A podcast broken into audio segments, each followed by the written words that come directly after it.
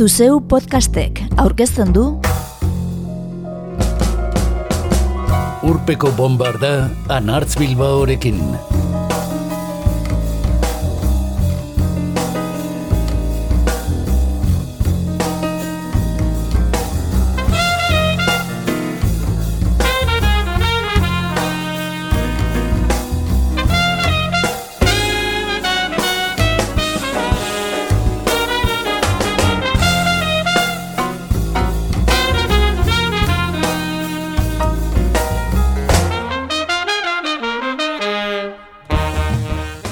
Urpeko bombardak iasko udan egin zuen bezala, orain bi urte izpilu beltza magazinerako egindako zaio bat berziklatuko du gaur.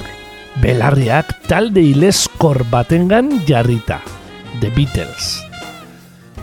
Liverpool iriko taldearen azken diskoak berrogeita urte betetzen zituela eta berri egunkariko Mikel Lizarralde kasetariak reportaje bat egin zuen orain bi urte. Let It Be diskoari buruz. Gaur ardatz izango duguna. Baina entzungai izango ditugun kantu gehienak ez ditugu The Beatlesen ahotzean entzungo. Beste hauek egindako berrira kurketetan baino. St. Vincent, Ike and Tina Turner, Barrens Wilfield, Bill Withers, Pearl Jam, Aretha Franklin eta Fiona Apple.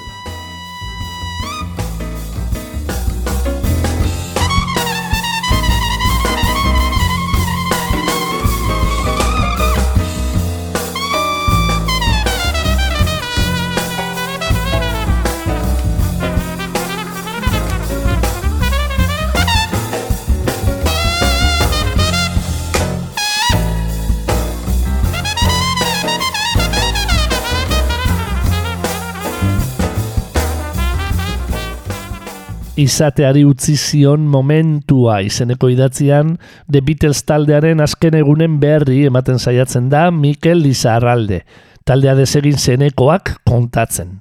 Eta gurean Beatlemaniako ez, baina Beatles sale bagaren ez, hori da zareratuko dugun erreportajea. Mila bederatzen dut irurogeita marreko maiatzaren sortzian argitaratu zen Let It Be, The Beatlesen diskografiari azken puntua jarriko zion diskoa. Etzen John Lennonek, George Harrisonek, Paul McCartney eta Ringo Starrek grabatutako azkena. Abbey Road geroago grabatu eta aurretik argitaratu zuten. Baina bai irurogeiko amarkadako talde zanguratzuena argitaratutako azkena. Horrela dio, zarreran, Mikel Izarralderen izateari utzi zion momentuak. By Charles Hawtrey and the Deaf Aids. Phase one, in which Doris gets her oats.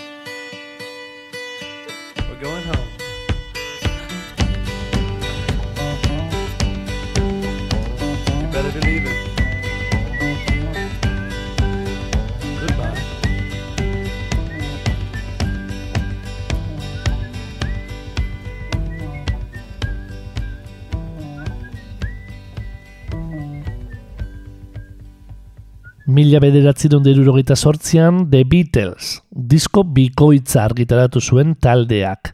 Azalagatik The White Album, album zuria izenburuaz ezagunagoa dena. Taldekiden arteko tentzioak aurreneko zagerian utziko zituen lana. Epsteinen faltan, taldearen manager izandakoa urtebete aurretik, mila bederatzion derurogeita zazpian hil zen laguna zuten taldekideek, eta musikarien artean egon zitezken desadostasunak baretzen zituena zen. Epsteinen faltan, diogunez, laukideek indiara begiratu zuten, eta aurkitu zuten aurrera egiteko behar zuten gidaria edo gurua, Maharishi Maheshi jogia. Indiako egonaldiark lehen tentzio uneak eraman zituen taldera, baina bere ala iritziko ziren beste batzuk. Diskoaren grabazioan, maiatzetik azarora luzatu zena, agerikoa zen Lennon eta McCartneyren, hau da, taldearen kompositore nukleo nagusiaren arteko urruntzea. Bakoitzak bere aldetik egin zuen lan. Eta ordurako galdua zuten laguna kritikatzeko beldurra. Lennonek, adibidez, amonatxoentzako sabor musika izendatu zuen obladi, oblada kantua. Horri gehitu barzaio estarrek, ringo estarrek, tarte batez taldea utzi zuela. Eta Joko Ono Lennonen bikotekidea estudioan egotea etzela gainerakoen gustukoa. Bakarniren hitz batzuk oso esanguratsuak dira garai hori ulertzeko. Ordura arte, mundua arazo bat zen, baina gu geu ez. Bistan denez, handik aurrera arazoa taldera leku aldatu zen. I, I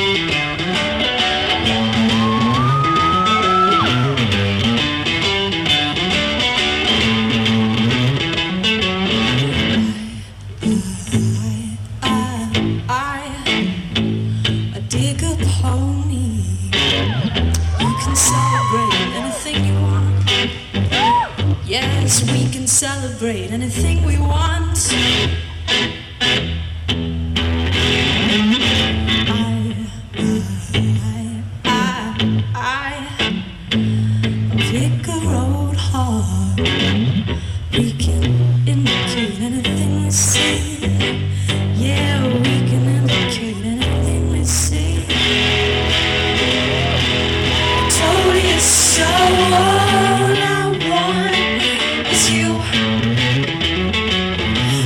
Everything has gotta be just like you want it to.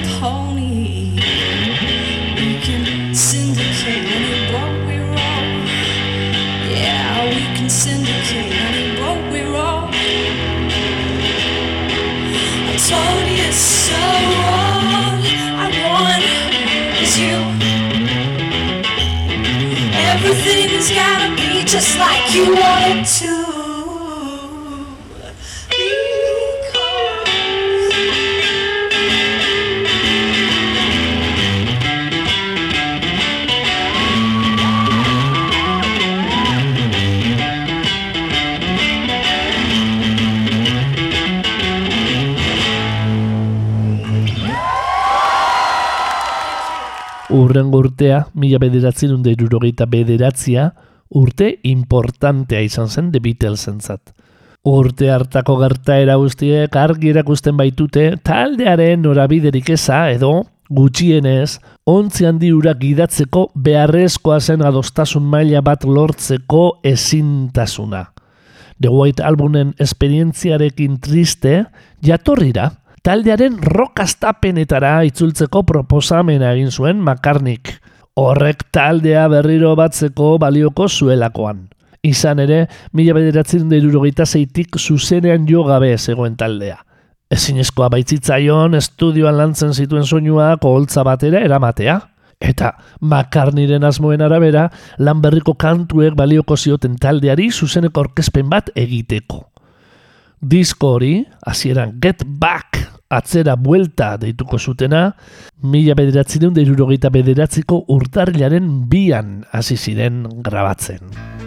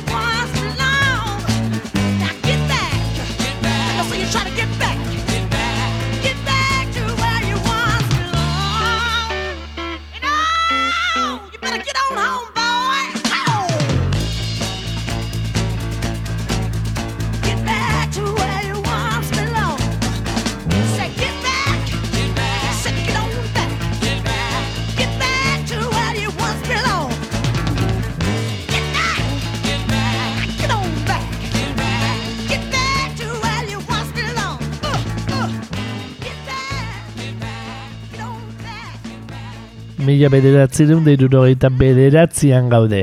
Gogoratzen? Bere ala ikusi zen, ordea, giroa etzela egokiena, eta makarnik baizik etzuela sinesten material hartan. Nola nahi ere, eta ustekabe ugarirekin, Eztabaida handi baten ostean, Harrisonek talde utziko zuela, esan zuen urtarriaren amarrean, naiz eta gero iritzia aldatu zuen, lortu zuten diskoa bukatzea. Eta hilaren hogeita marrean kontzartua eman zuten estudioaren teilatuan.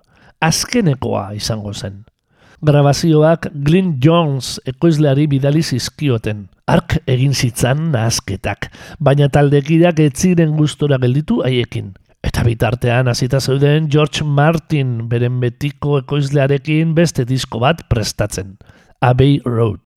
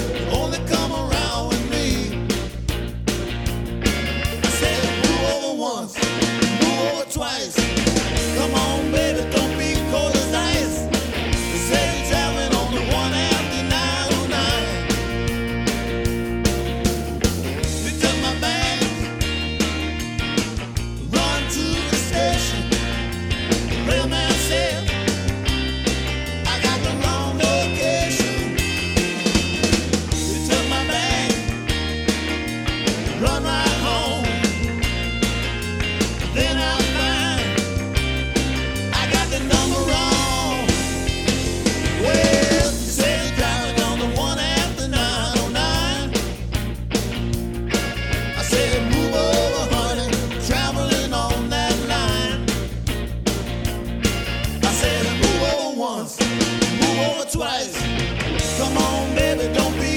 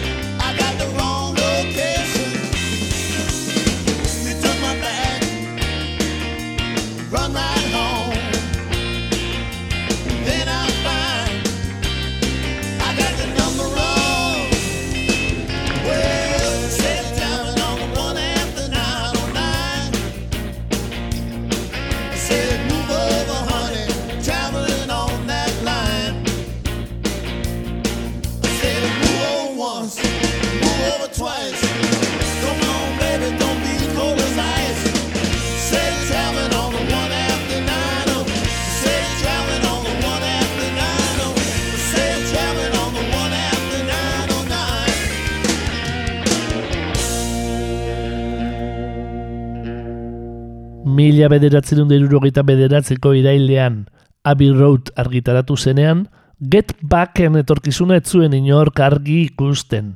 Berriro saiatu ziren Glyn Jonesekin, baina urte amaieran egindako nahazketek ere ez zuten taldekiden oneritzia jaso. Eta grabazio haiek tiradera batean amaituko zutela ematen zuenean, Lennonek, Kleinen babesarekin, manager berriaren babesarekin, Phil Spectorri eskatu zion ekoiz zitzala.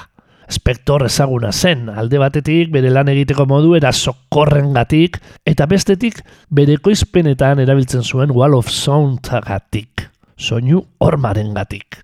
Musikari ugari jartzen zituen jotzen une berean, eta pista horiekin guztiekin orkestra baten lortuko zuken soinua lortzen ei zuen. Espektorrek orkestrazio melodikoak eta emakume ahotsak gehitu zizkien hainbat kanturi. Across the Universe, The Long and Winding Road, eta Star, Harrison, eta batez ere McCartney ados agertu ez ziren arren, diskoa kaleratu zuten mila bederatziron deirurogeita marreko maiatzaren sortzian. Let it be, izenburuarekin.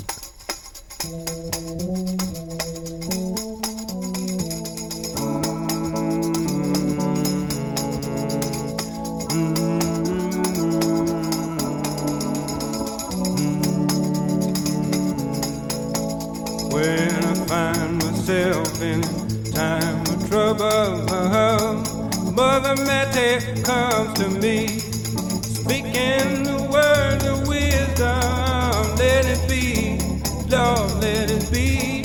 Hiding in my hour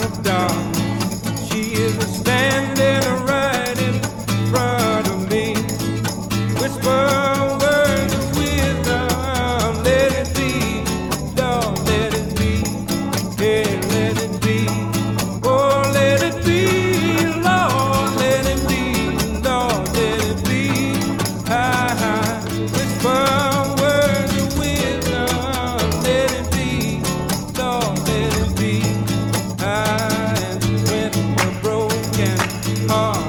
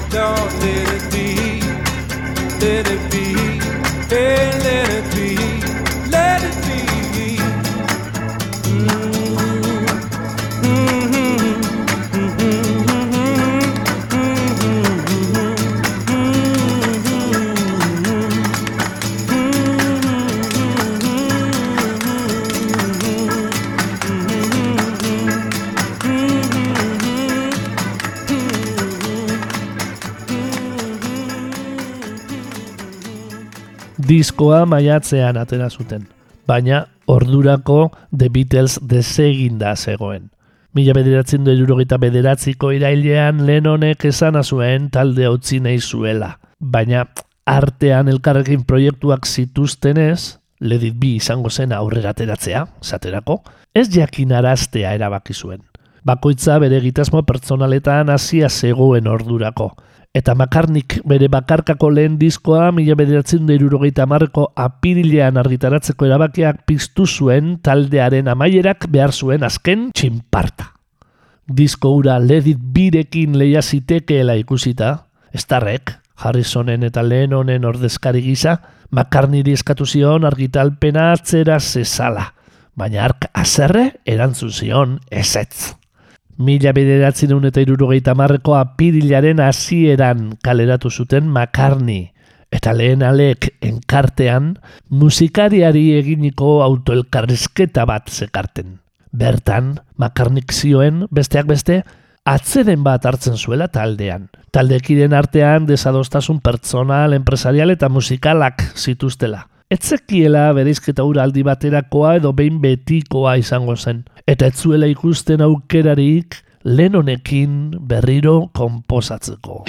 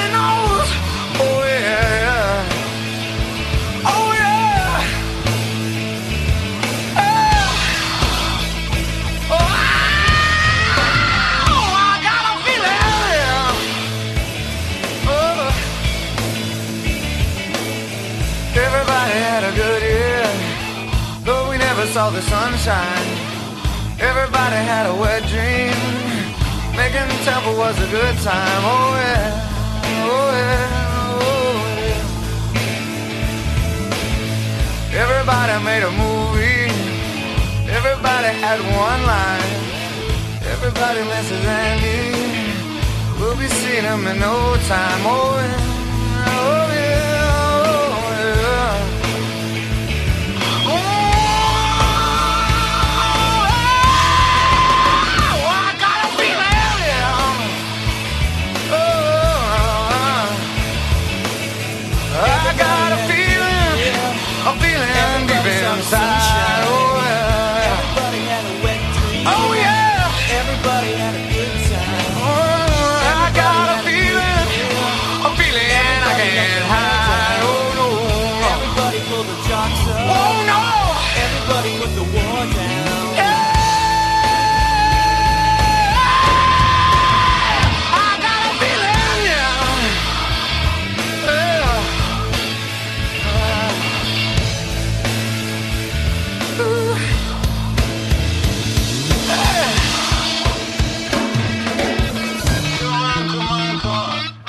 Gogoratu arestian aipatutako elkarrizketa. Non makarnik zioen atzeden bat hartzen zuela taldean, etzekiela berizketa ura, aldi baterakoa edo behin betirakoa izango zen, eta ez zuela aukerarik ikusten berriro lenonekin konposatzeko. Naiz eta ala uler zitekeen elkarrizketa ark ez zuen zehatz esaten The Beatles desegin zela. Baina Daily Mirror egunkari sensazionalistako kasetari batek elkarrizketaren ale bat eskuratu zuen disko argitaratu aurreko egunean. Eta pirilaren amarrean eman zuen albistea karaktere handiekin. Paul McCartneyk The Beatles utzi du. Berriark taldekiden artean egon zitezkeen zubi guztiak utzi zituen. Harrisonek, Lennonek ez da estarrek, McCartneyri leporatu baitzioten bere kasa eman izana taldearen agurraren berri. Inoiz etzen izan desegitearen berri emango zuen komunikatu ofizialik. Baina mila bederatzerun derurogeita marreko maiatzean Let Be argitaratu zutenerako, kide bakoitza bere kasa zebilen. Pide berrien peskizan.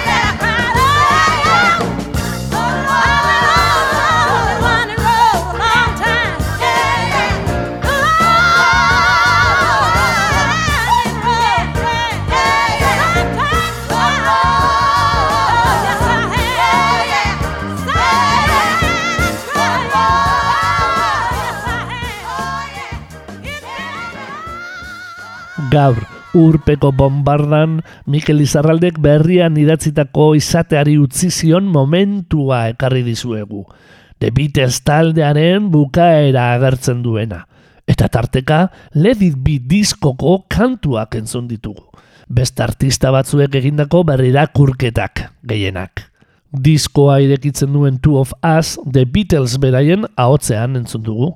Di Japoni, zuzenean, San Vicenten ahotzean. Let It Be, lanari izenburu eman eta seguruenera diskoko kanturik sonatuenak baditu makila bat bertzio. Guk moto etxeko Bill Withersek egina hautatu dugu. I've got a feeling, Pearl Jam, grunge talde erraldoiarenean, One After 909, Barnes Whitfield and the Savagek joa. Edo zen roxale pisteko modukoa. The Long and Winding Road, Aretha Franklin dirdiratzuak emana. Eta orain artekoekin bukatzeko, Taina and Ike Turner ere entzun ditugu. Oraindik zen arremazte zidela. Get Back kantatzen. Grinatzu gainera. Eta Cross the Universe? Horixe da seguruenera Let It Be diskotik bertzio gehien izan dituen kantua. Jo izan du Rufus Wainwrightek. Ala Operación Triunfoko amaia nafarrak nola David Bowick. Guk entzungo duguna ordea Fiona Appelek moldatua da.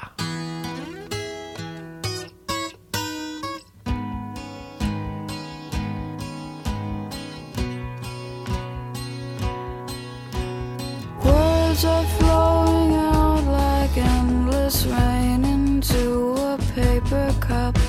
They slither while they pass, they slip away across the universe.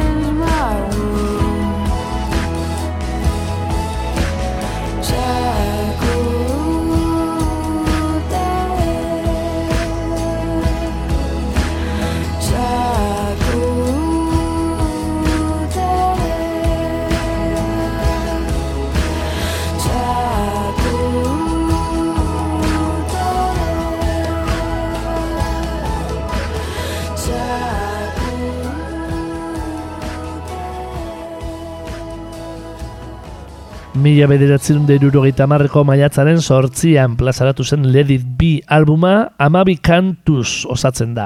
Eta guztira bederatzi entzungo ditugu. Lennon da McCartneyk elkarrekin ondutakoetatik bakarra da entzunez duguna. Digit. George Harrisonek bi ondu zituen.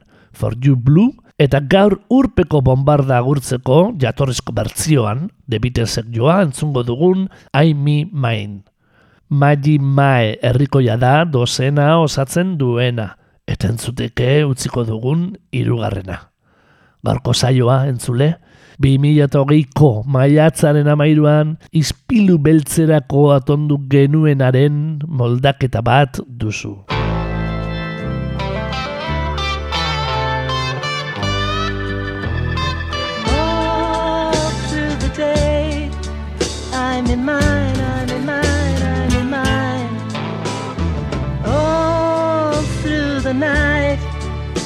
my mind.